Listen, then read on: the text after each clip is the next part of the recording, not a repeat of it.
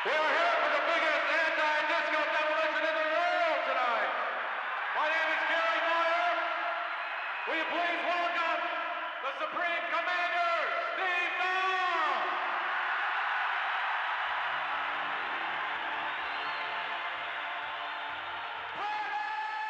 Þeir áttu vona á að ná um það byrj 5.000 fleiri áhöröndum en venjulega en þessi stað mættu að minnstakosti 30.000 umfram venju og tróðfylltu leikvangin. Femtudaginn 12. júli 1979 mættust hafnaboltaliðin Chicago White Sox og Detroit Tigers í Comiskey Park í Chicago. Liðin átt að keppa hvort á mótu öðru og leika tvo leiki.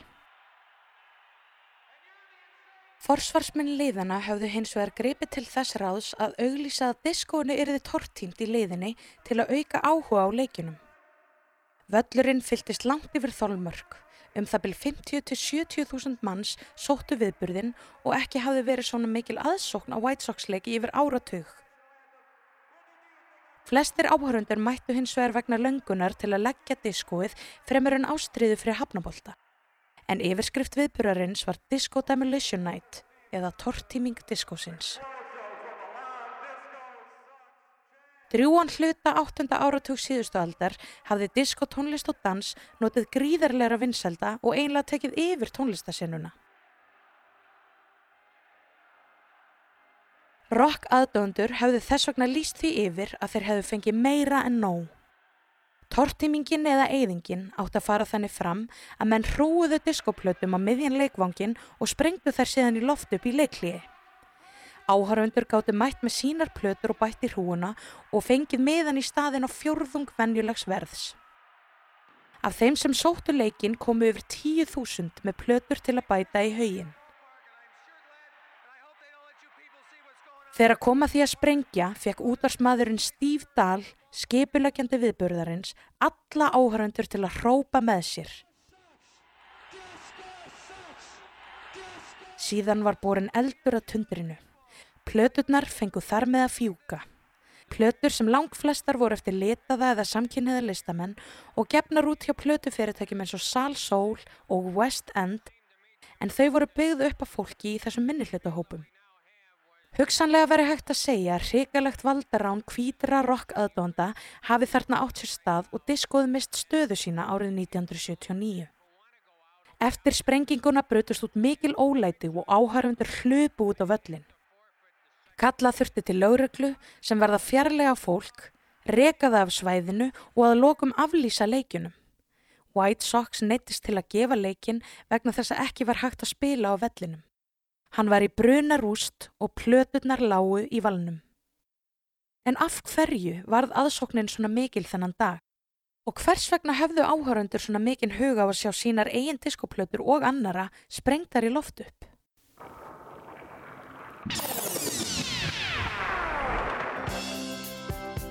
Sveittur dans, upplýst danskólf, dundrandi bassi póliester, glimmer, kynlíf, eiturlif, frjálsar ástir. Mmm, diskótruslan.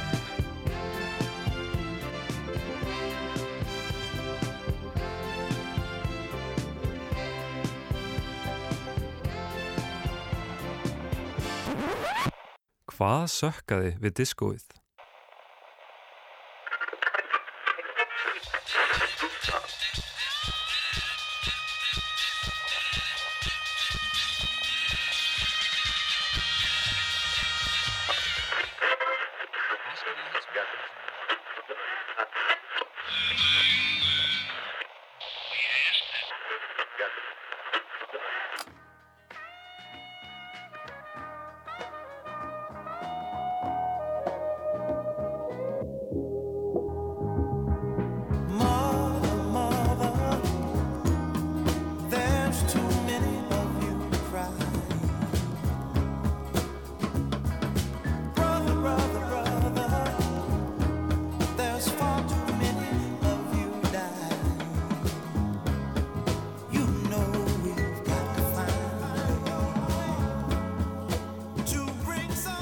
Við hittum Stefan S. Stefánsson, saxofónleikara, tónskáld, útsettjara og kennara á heimili hans í Fossvöginum og gaf hann okkur insinni hvernig hann upplöði diskóið.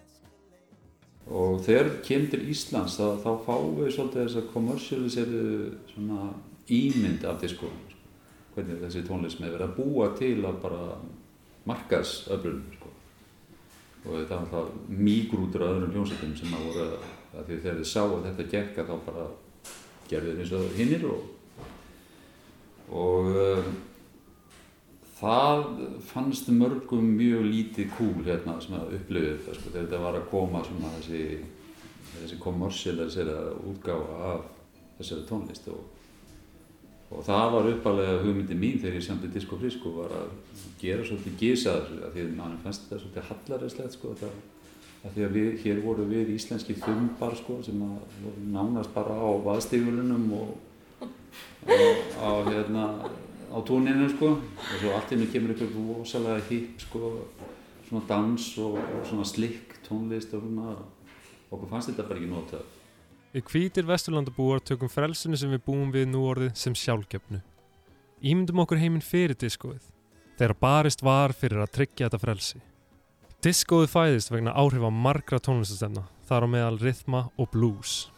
Litaði listamenn eins og Stevie Wonder og Marvin Gaye ná að samtuna hugveikjandi texta og dansvæna takta til að koma skilabóðum sínum á framfæri. Þar að auki er diskóið sambland af sálartónlist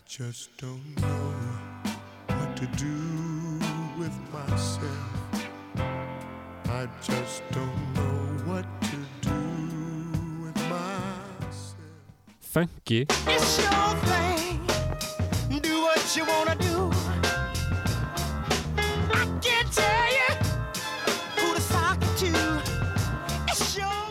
Og go-go.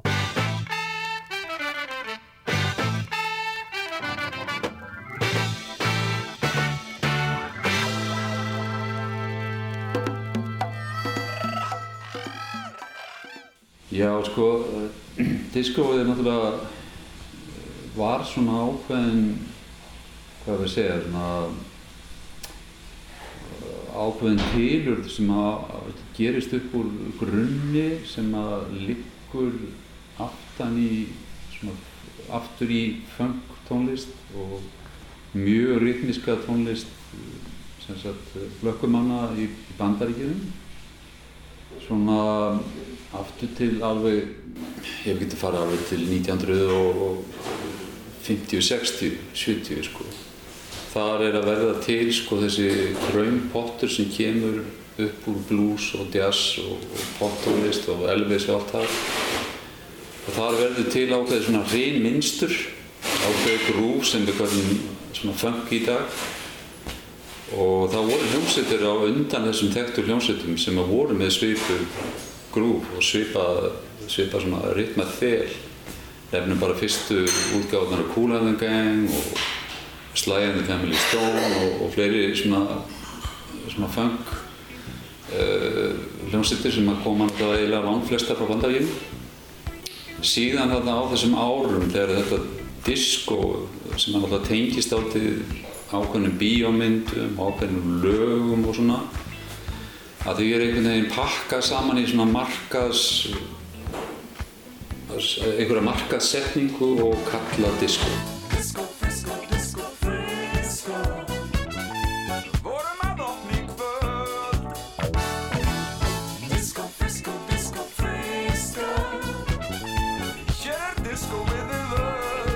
New York er talin vera fæðingastæður diskosins.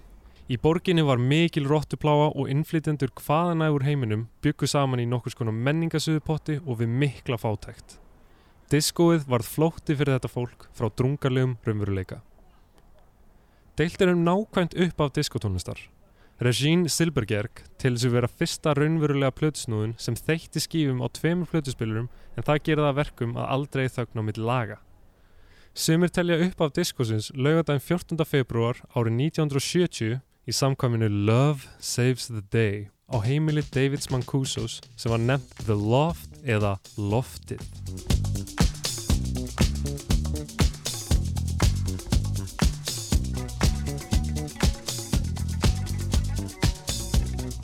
Hann var bandarísku plötusnúður þekktur fyrir að fá fólk til að dansa við hvaða lög sem er því að hann náða að meðhendla plötunar og tónlistina þannig að hann skapaði andrúsloft ólíkt öllu öðru.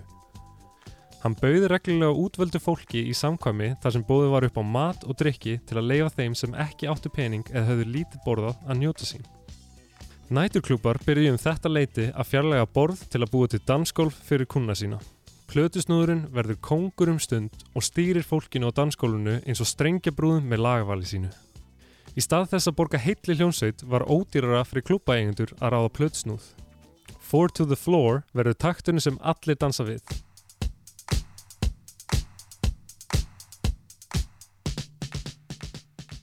og vísar til þess að bassatróman slær á hverjum takti í fjórum fjórðu. Þrátt fyrir að diskóið eigi rætur að reykja til sálatónlistar og tónlistar sem samin var í pólitískum tilgangi var fólk orðið þreytt á þungum skilabóðum. Í kjölfar Watergate nexlisins, óeirða, morðan á Martin Luther King og John F. Kennedy og aðgerða ríkistjórnar Richards Nixons voru margir almennt orðni leiðir á pólitík og sömur jáfnvel áhuga lausir um hana. Ímsir dróðu sig út úr umræðinu og popmenningin tók yfir. Fólk sökti sér í hana en það var auðvelt að gleima sér í skrautinu, glimmerinu og sjálfstæði einstaklingsins inn í örugurími tónlistarinnar.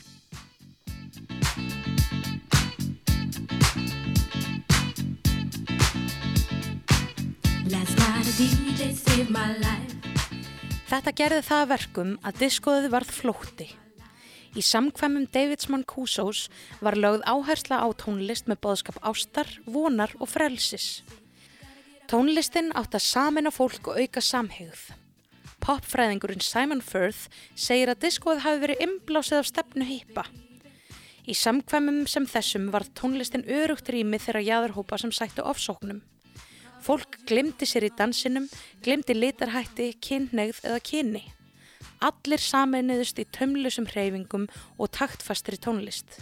En þrátt fyrir vinsaldir diskósins voru engin diskólög á billboardlistanum. Ef þú náður ekki inn á listan, þá varst ekki til. Billboard byrti í blaði sínu eitt lista sem var topplistinn, en svo var annar listi, R&B billboardlistin, sem oftast var skipaður fólki af afrísk-amerískum uppruna. Á tíunda áratug 20. aldar verður til hugtakið Race Records en það voru plötur eftir svarta listamenn fyrir svarta neytendur. Race var jákvætt hugtak meðal svartra til að flokka tónlist þeirra frá tónlist kvítamannsins.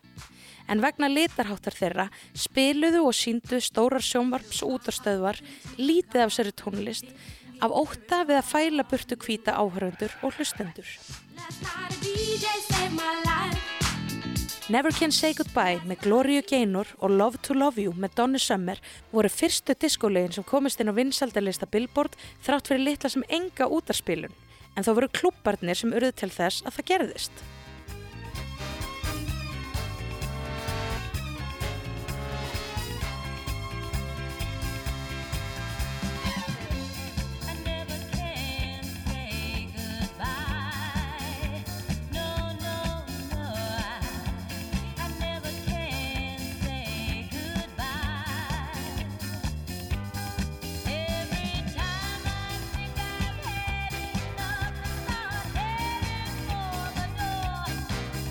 Staðir eins og The Loft og The Sanctuary voru gríðarstaðir fyrir alla, sérstaklega litað hins einn fólk. Þar gotu allir komið saman án þess að vera áreittir eða dæmdir fyrir útlýtsitt eða hegðun. Studio 54 var eins konar afsprengi þessarar menningar, en munurinn var sá að á meðan The Loft og The Sanctuary snýrust meira um að fagna fjölbreytileikanum og sjálfum sér var Studio 54 um nöytt alls sama hvort að það kostiði geðheilsu viðkomandi eða peninga. Æðið hafði heldtekið borgina.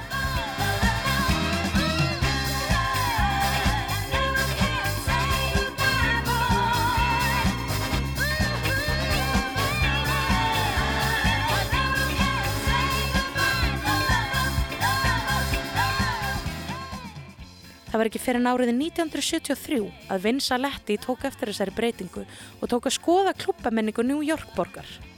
Hann gaf tónlistinni nafn og greindana sem sér stefnu útaf fyrir sig. Árið 1974 var svo komið að diskóið hafði tekið yfir og danslög trónuð á toppi vinsaldalista. Nefnamálaðið Kung Fu Fighting eftir Carl Douglas sem er enn í dag einn mest selda smáskífa allra tíma. Fólk hlustaði á áttarása segulbands upptökur. Earth, Wind and Fire, Marvin Gaye, Inner Life, Sly and the Family Stone og Casey and the Sunshine Band.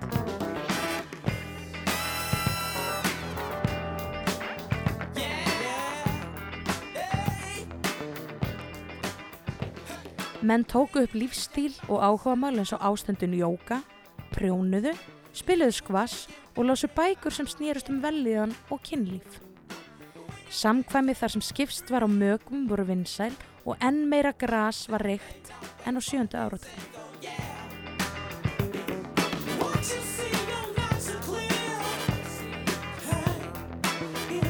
Blómaskeið diskosins var sannarlega gróskumikið og stóð yfir á árunum 1974 til 1979. Plötusnúðarnir þeittu skífum á kvöldin, fólk óð út í búð og kefti plötunar sem þeir spiluðu og listamennir unnu hörðum hendum að því að framleiða eins mikið á tónlist á þeir gátu.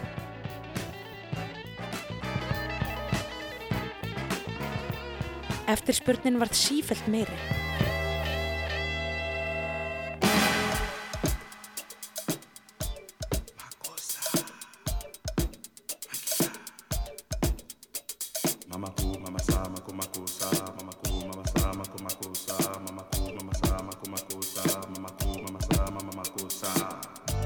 Sem dæmi um hvað plötusnúður höfðu mikið vald má nefna lagið Soul Makosa eftir Manu Dibango.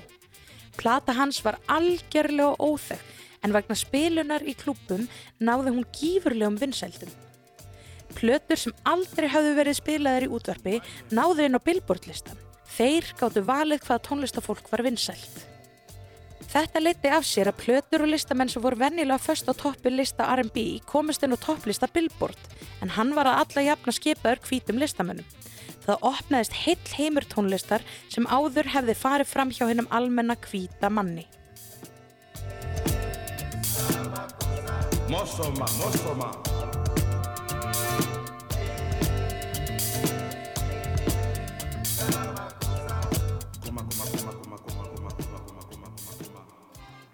Hann Bob Clunes, menningargagrinandi og sérfræðingur, kíkti til okkur í heimsókn og rætti við okkur um tónlistariðinaðin og menninguna í heilsinni.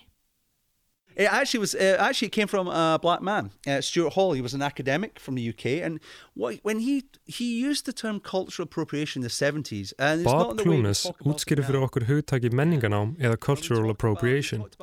Hann sagði menningarnám koma frá fræðimanninum Stuart Hall.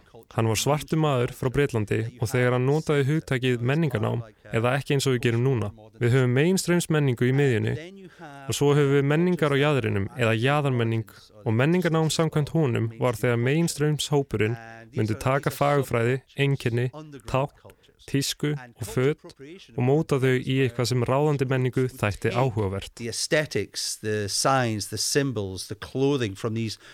Monocultures, and they would change and warp them and make them interesting. You know, Þegar líða tók á síðari hluta 8. áratugurins voru hljónsveitir eins og Sylvester, MFSB, Chic, Lip Sync, Bee Gees og söngkonur á borðið Donna Summer, Gloria Gaynor og Evelyn Champagne King vinsælastar og ómuða öllum helstu diskotekum.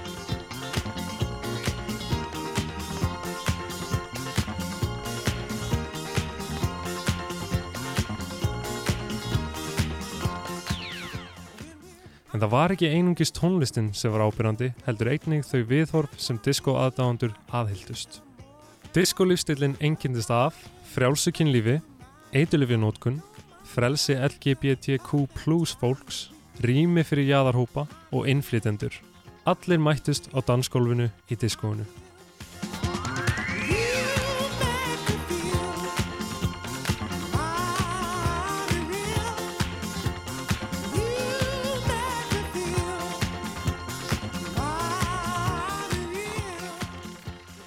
Fatastílinn endurspeiklaði upphafningu hins kvenlega og kvenlegrar nöytnar.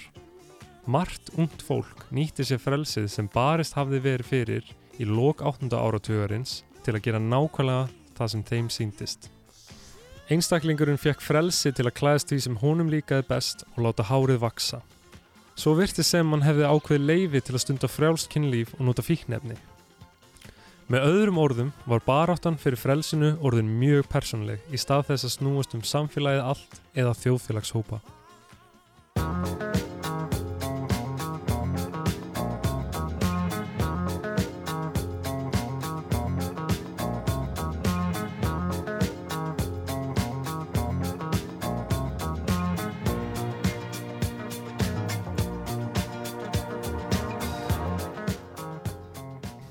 Kvikmyndarinnar Saturday Night Fever markar ákveðin tímamót í vinsældum diskosins. Tónlistastefna sem hafði skapað rými jæðarhópa var nú komin inn í mainstreamin. Listamenn eins og ABBA, Blondie, Rod Stewart, Kiss og Rolling Stones sungu diskóið inn í hjörtu meirihlutans. Þótt hvítir listamenn færði sig yfir í diskóið, trónuðu litaðir, samkynneðir og hvítir sís listamenn saman á toppi vinsaldalistans sem gerði það að verkum að rými hins ráðandi meirhluta var ógnað og það krafðist aðgerða. Í lok 8. áratugurins var diskóið að taka yfir og ná að íta rockinu til hliðar. Sumir pönkarar, rockarar og íhaldsamir gaggríndu lífstil og menningu þess. Margi hverjir töldu stefnuna innihaldslausa og allsráðandi heilalaust rusl á meðan þó nokkrir aðdáðundur diskósins litu rockara og pönkara sem reyðar og þunglindar karlrempur. Um, a lot of black scenes and a lot of um, uh, black uh, black situated electronic music going all the Líkt way og Bob from kemur inn á house þá átti list sem mótaðist í svartri menningu erfitt uppdráttar og oft hunsuð á fjölmennum þangað til hvítt fólk síndi menningunni áhuga. how this has either been ignored or i- is only ever written about when white people get involved.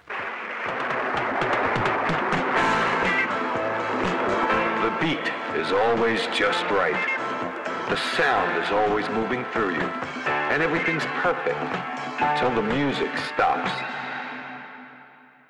Steve Dahl, rockblöðusnúður, útvarsmaður og tónlistamæður hóf störf hjá útvarpstöðinu 2.vaff DAE Chicago 23. februar 1978. Þáttur hans Steve Dahls Rude Awakening náði aldrei almennilegu flugi. Aðeins tíu mánuðum síðar á aðfangadag jóla breytti 2.vaff DAE áherslum sínum og hófa spila disco til að ná til fleiri hlustenda. Í kjölfarið var Dahl rekin og þar með fættist fjandmaður diskosins númer eitt. Það sem byrjaði sem almenn óánægja og spurning um smekk hafði breyst í allsherjar hemdarhug.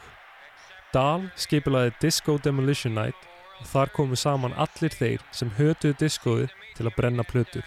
Meir hluti þeirra sem tóku þátt voru hvítir kallmenn. Plötusnúðurinn Vince Lawrence vann sem sætavísir á gjör einingakvöldu diskosins og lýsir því að þótt margir hafi komið með diskoplötur voru líka margir með annars konar plötur eftir svarta listamenn. Í dag hafa margir gaggrinendur og sagfræðingar eins og Alice Eccles viðurkjönta fordómar í garði litas fólks og samkynniðra hafi verið drifkraftur ákveðins hóps andstæðinga í viðleitninni við að myrða diskóið með brennu sem minnir óþægilega á bókabrennu nasista á sínum tíma. Það virðist vera að á einum degi hafi diskóið dáið.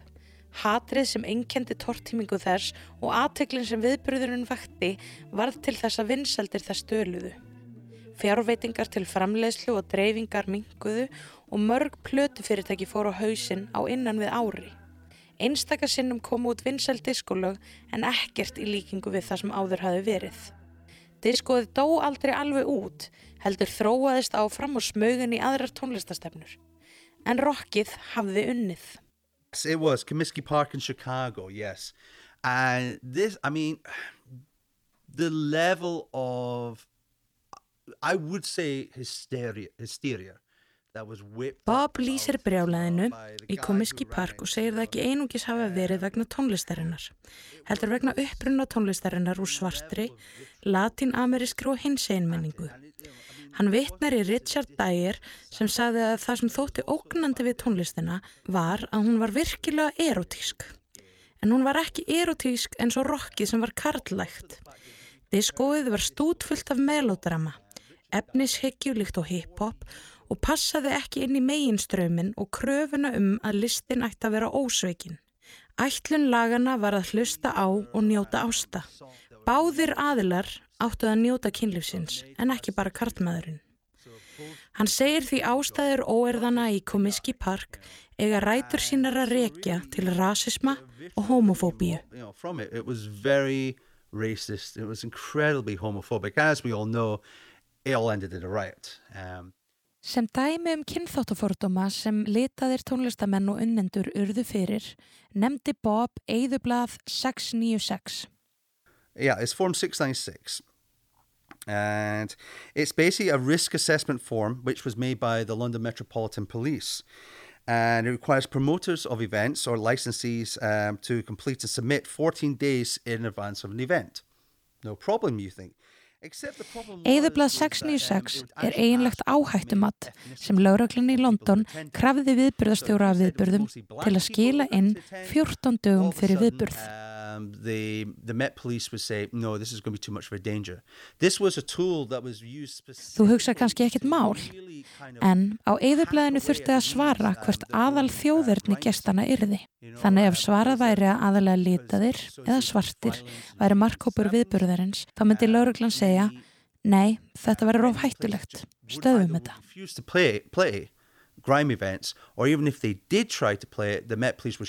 Þetta var notað til að stöðva viðburði í tónlistasinum eins og jacking um, baseline house that the black community in London will listen to. What they, this was happening to them as well, and this is actually part of a. Þetta átti sér stað á tíunda áratögnum og var 90s. viðburðuna á þann veg að allir væri að nota krakk og líklegt væri að þú verðir skotin. Því voru þær mikið litaðar af kynþáttafordómum. Hann bendir á að miðlar sem fjölluð um rafræna tónlist fylgdust yfirleitt með framsækinu hústónlist eða Progressive House og Evrópskri hústónlist eða Eurohouse sem var rosalega hvítmiðuð. Progressive House and to um, Euro House and to trance, which was very white, very European sounds, you know, and they completely ignored um, black music at the time, you know, you know, hardcore, drum and bass, jungle, and then from then on you had. Um, Fyrirverandi hermenn fjölmöndu til Washington þar sem þeir skiluðu aftur heiðusmerkjum þeim sem þeir höfðu hlotið fyrir hetjulega framistöðu í Suður Vietnam. Mótmælin höfðu mikil áhrif á ráðamenn landsins, þingið og landsmenn í heild. Þegar diskoðu var hann á fótfestu var andrumsloftið í bandaríkjunum polariserað.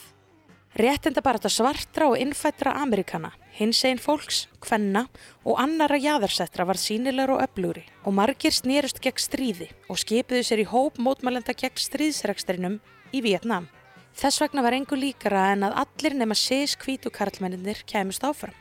Á sama tíma og rödd jaðarsettra verður hávarir í bandaríkjunum jógst reyði og tókstreita meðal íhaldsamra hópa, engum þá hjá hvítu, millistéttar og verkafólki, sem fannst ríkistjórn Lyndon B. Johnson einkennast af forræðishyggju og að þeirra mati hafði hún degrafið fátækt og svart fólk á kostnað hins almenna skattgreðanda. Hreyfing millistéttarinnar barðist gegn háum sköttum, umhverfisreglugerðum, hámarksraða á hraðbrautum, jákvæðum aðgerðum í réttindabaratu, afnámi aðskilnaðar í skólum og eru talin hafa komið Richard Nixon í forsetastólinn. Þarna tóguðust á hugmyndir um skoðanir stjætta um einstaklingin og mannréttindi. Diskóið átti aðalega rætur að rekja til austurstrandar bandaríkjana og þá engum borgana New York og Philadelphia. Það var talið eins konar andsvar við rock og punk tónlist. Þeir sem aðhyldust rock og punk voru frægir fyrir andstigð sína á diskói. Svart og lita fólk á langa tónlistasögu í bandaríkjunum en tónlist þeirra hafði aldrei verið samþygt inn í meginströms menninguna. Alla 20. öld gafu litaði listamenn út plötur en vegna stöðu þeirra í samfélaginu fengu þeir lítið sem ekkert pláss í stórum fjölmjölum og útastöðum þar sem hvítir karlmenn voru alls ráðandi. Þau skref sem að svart fólk tók til að selja og dreifa plötum svartara listamanna voru yfirleitt tekin og nýtta fólki eins og Sam Phillips sem einfallega vildi græða á listinni og sagði Bara ef ég geti fundið hvítan mann sem hljómaði svo svartur, þá yrði ég ríkur. Sá maður fannst og hétt Elvis Presley. Hann gerði ábreyður af lögum svartara tónlistamanna og þær gerðu hann að stórstjörnu.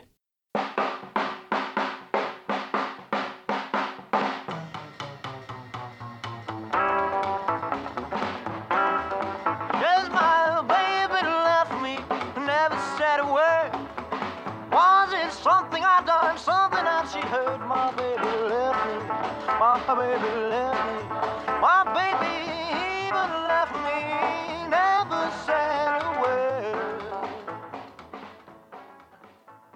Aktivistinn Sara Mansour kom í gott spjall þar sem við rættum um menningarnám, menningarskipti og menningar aðlögun en við nótumst mikið við ennsku heitin á þessum hugtökum.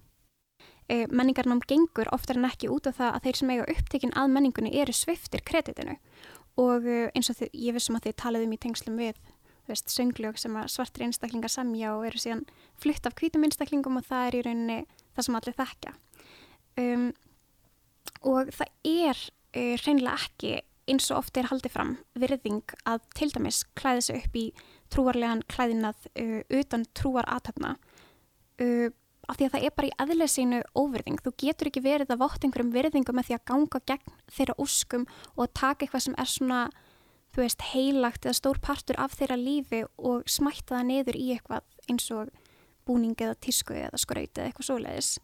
Um, og svo er þetta líka bara rosalega uppblásið og hvít með að sjálfströst hvíts fólks að núna þegar þeim finnist eitthvað flott uh, og þú veist, þeim finnist menning annara flott þá er þeir sem að tilheyra menningunum vera þakklátir og upp með sér að það uppfyllir hvíta staðila um hvað er flott.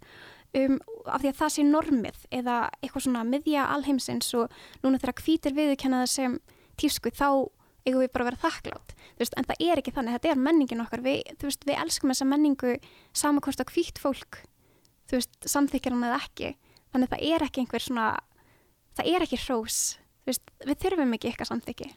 Þannig það er kannski og svo er svona hlutur eins og veist, algjörlega eins og hip-hop um, og það eru svona hlutir sem að kannski hafa ekki þeir eru menningartengdir en uh, þau hafa, þeir hafa dreifst upp að ákveðinu marki og uh, í þeim tilfellum þá er bara útrúlega mikilvægt að vera meðveitaður um upprunan og þau forréttindi sem að fylgja því að geta notið hlutana án forduma og þú veist, það er fullkominn dæmi, það er þessi svarta tónlist. Og svo kannski hlutir eins og sem að við kannski tengjum ekki beint við menningu en um, eitthvað sem að ég hef stundum, þú veist, fengið spurningar um og kannski finnst gott að nota sem dæmi þessu samingi eru langar gerfineglur og það eru svona hlutir sem að uh, spila ótrúlega stórum þátt í hvernfrælseis og uh, svona andrasískri baráttu svartra og uh, latín-amerískra hvenna í bandaríkunum. Þú veist, eitthvað sem við kannski hérna á Íslandi tengjum ekkert við og um, þau hefum aldrei þurft að pæla í og ég er alls ekkert að segja sé eitthvað rámt við að fá sér langar gerfineglur en það er bara mikilvægt að muna og það er það minnsta sem við getum gert í ljósi okkar forréttundastöðu er að viðurkenna uh, þú veist, upprunan og hvað þýðingu þetta hefur fyrir aðra. Þannig þá, þú veist, já, eins og ég segi, menningan á mér skali og já, það að cultural appropriation og cultural assimilation eru ekki sömu hlutinir. Annað þýðir að þú ert að í rauninni aðlagast uh, menningu ráðandi hópsins í því skyni að falla inn og uh, fá viðurkenningi samfélaginu og oft með því bara að, þú veist, fórna eigin menningu. Og uh, svona einhvern veginn taka að sér gildi og hegðun og viðhorfi ráðandi hóps. Þannig það er svona, já, það er bara allt annað en það einhvern veginn stela frá, já. Svona einhver menningarleg aðlugun kannski. Algjörlega og oft svona nitt með menningarlega aðlugun, eitthvað svona sem þú þarft að gera. Við hittum rapparan og textahöfundin Skúla einnig þekktu sem elja sín. Hér lýsir hann þeim fordómum sem hann og aðri litaðar einstaklingar sæta vegna menningar aðlugunar. og ekkert eitthvað svona fyrir the purposes svona af, af fótoshootinu bara til þess að fá starfið bara, þú veist, og bara já, herði, það væri geðvitt næs ef að, þú veist, við getum bara aðeins minka krullutnar, kannski gera þetta bara aðeins meira svona wavy, bara að náttúrulega hárið sem að þú fættist með er unprofessional. Þú veist hvað þýðir það, veist, hvað, hvað það að segja mér að allt sem að ég veit um sjálfa mig og gerir með mig er ófaglegt og er ekki veist, í bóði inn á þessu, þessu fundarherbyggi Með réttindabaróttu svartra fór fólk að hlusta meira á R&B, soul og funk sem jók sínileika þeirra í mainstreams menningunni. Tónlist var mikið nótuð til að koma skilabóðum á framfæri. Tónlistamenn nótuðu texta sína í bland við áhrifamikla tónlist til að hvetja fólk áfram og vekja það til umhugsunar. Meira segja lög sem voru ekki samin í pólitískum tilgangi eins og R.E.S.P.E.C.T. eða Virðing auðluðust nýtt líf og nýja meiningu í baráttu litasfólks fyrir jöfnuði. Undir áhrifum útgáfu fyrirtækisins Motown frá Detroit verður sálatónlist í borgunum New York og Philadelphia silki mjúk. The Supremes, Eddie Palmieri og Stevie Wonder eru talin eiga lög sem marka undanfara og upphaf meðgöngu og fæðingar diskosins. En ólíkt sálatónlistinni með þungum pólitískum textum var diskotónlist oftast um hamingju, kynlíf, frelsi og saminningu. Tónlistin fæðist í fátækt. Tónlistin endurspeiklaði ángist innflytjenda og jaðarhópa. Það skipti ekki máli hvaða þjóðfélagshópi þau tilhyrdu. Það sem saminaði þau var sásökin og jaðarsetning þeirra vegna litarháttar til dæmis.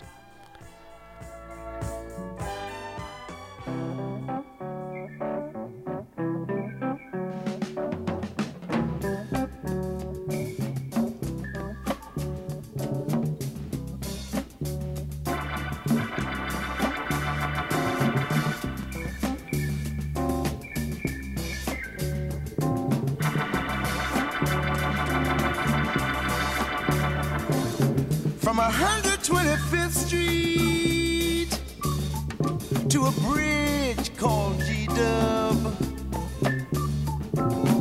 Several shades of living from diamonds to mud. Þó svo að diskóið hafi aldrei átt að vera pólitíst verður það óvart stjórnmálatengt vegna uppruna síns. Engum vegna þess að í fyrsta skipti fá jaðarhópar rými til japs við ráðandi meirhluta. Á árunum 1977 til 1983 í Warehouse-klubnum í Chicago heldur diskóið áfram að þróast.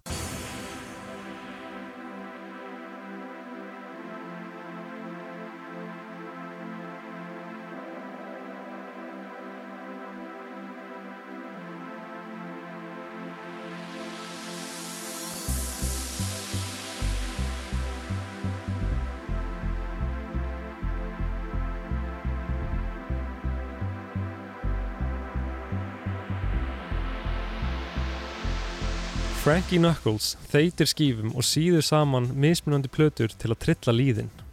Frankie Knuckles er oft talinn guðfæður hústónlistar og kemur nafni beint úr heiti klúpsins þar sem hann spilaði, Warehouse. Undir sterkum áhrifum Larry Levan færði Frankie meginkraft klúbamenningarinnar frá New York til Chicago.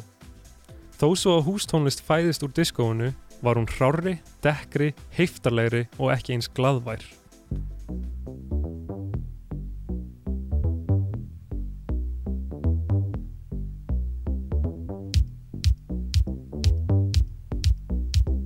Gestir Warehouse voru til að byrja með fyrst og fremst litað fólk. Chicago hafði alltaf verið þekkt fyrir vel aðskilin hverfi, en best væri að lýsa því þannig að það var eins og að ósynlegi landamæri aðskildu hvíta og svarta.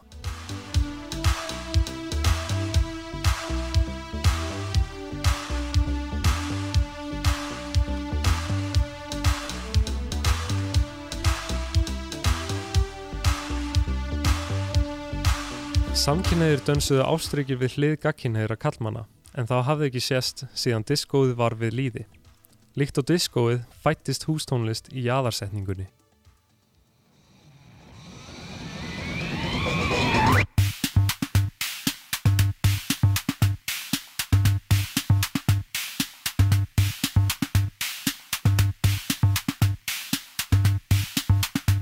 Seint á nýjunda áratug síðustu aldar var pöngið liðið undir lók og áhrif diskósins tók að krauma meiri náður. Hljónsveitir aðalega skipaðar hvítum tónlistamönnum eins og Radio 4 og síðar LCD Sound System vildu búa til tónlist fyrir klúbana. Þeir saminuðu hugarfar og viðhorf pöngsins og kryttuðu með dásanlegum danstakti og dróðu þar að leiðandi að aðdáendur jaðartónlistar. Með því að halda í pöngið voru þeir ekki dæmdir fyrir klísju diskósins og umhverfið varð örugt fyrir hvíta gagkin eða meirhlutan og hann mátti dilla sér við taktfasta tónlistina. Diskóið og dansinn kölluð á pöngarana sem áður stóðu á tónleikum eða slömmuðu. Pöngið og diskóið höfðu getið af sér afkvæmi sem svalaði dansþörf ungu pöngarana. Markasöflin stíga svo inn í og komið að hvítum poplistamönnum eins og Madonna og U2 og gáðu út lög og heilar plötur í hústílum.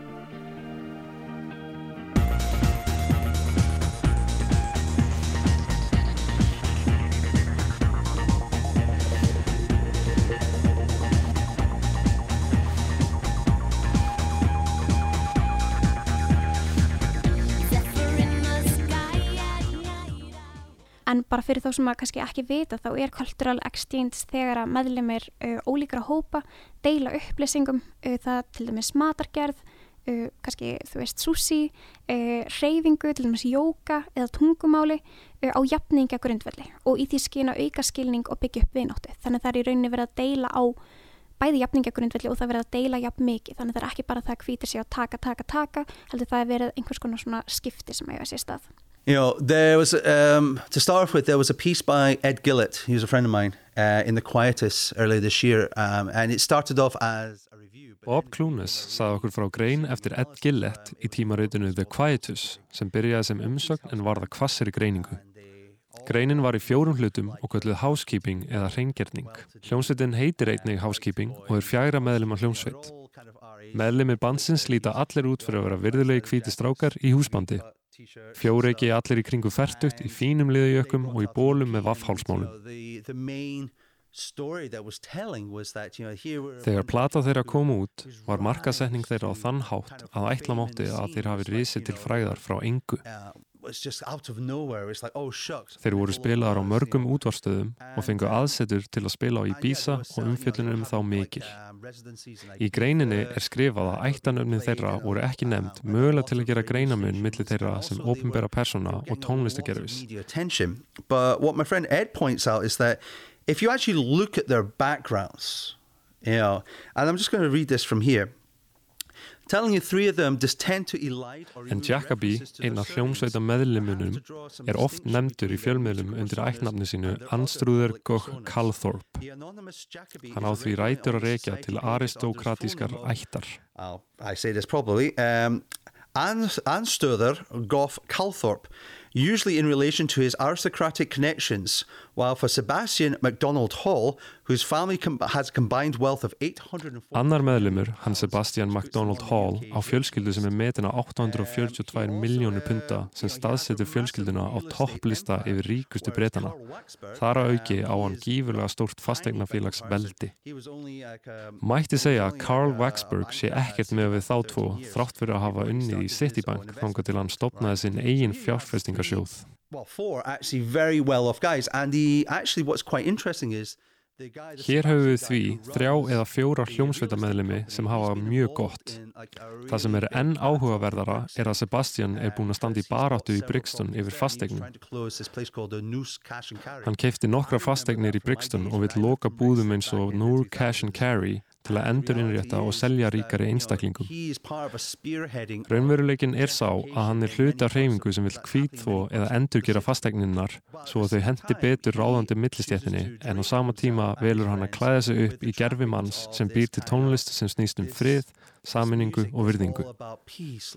Þetta var nýlegasta dæmið sem Bob myndi eftir af þeim ótal mörgur sögu og frásögnum af því hvernig hvítir einstaklingar úr efri stjættum búa sér til gerfi til að eigna sér tónlistina en taka virkan þátt í hvítþótti tónlistar verkalýstjættarinnar og svarts fólks og búa til sína eigin útgáfu af henni. Throw out uh, the music of the working class, uh, the music of black people and people of color, and in its place they provide, bring in a whitewashed version. En þrátt fyrir uppruna sinn hafa vinsælustu nútísko listamennir að mestuleiti verið hvítir karlmenn. Markaðurinn gefur hvítum listamennum meira rými meiri fjármunni og meiri viðurkenningu fyrir list sína þrátt fyrir að upprunni tónlistarinnar liggi annar staðar. Disco var nefnt upp á nýtt, nú disco, eða elektro.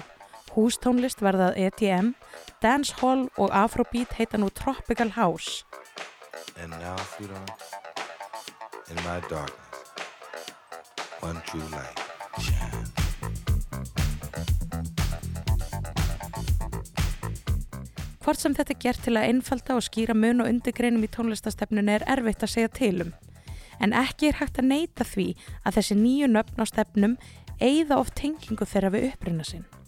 Í kjölfar Black Lives Matter reyfingarinnar hafa margir farið að kynna sér uppruna tónlistar.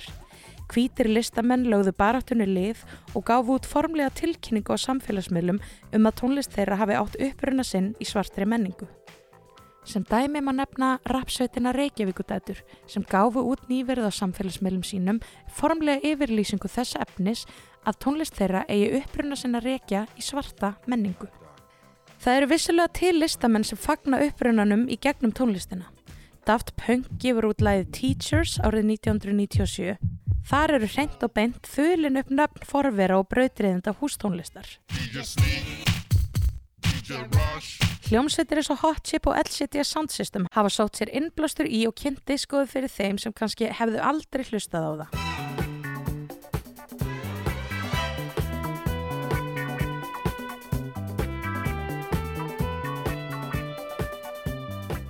Plötusnúður grófu upp gamlar plötur eins og Coco Motion og GQ Disco Nights og spiluðu á klúbunum og sköpuðu þenni eftirspurn eftir þeim. En það má spyrja sig.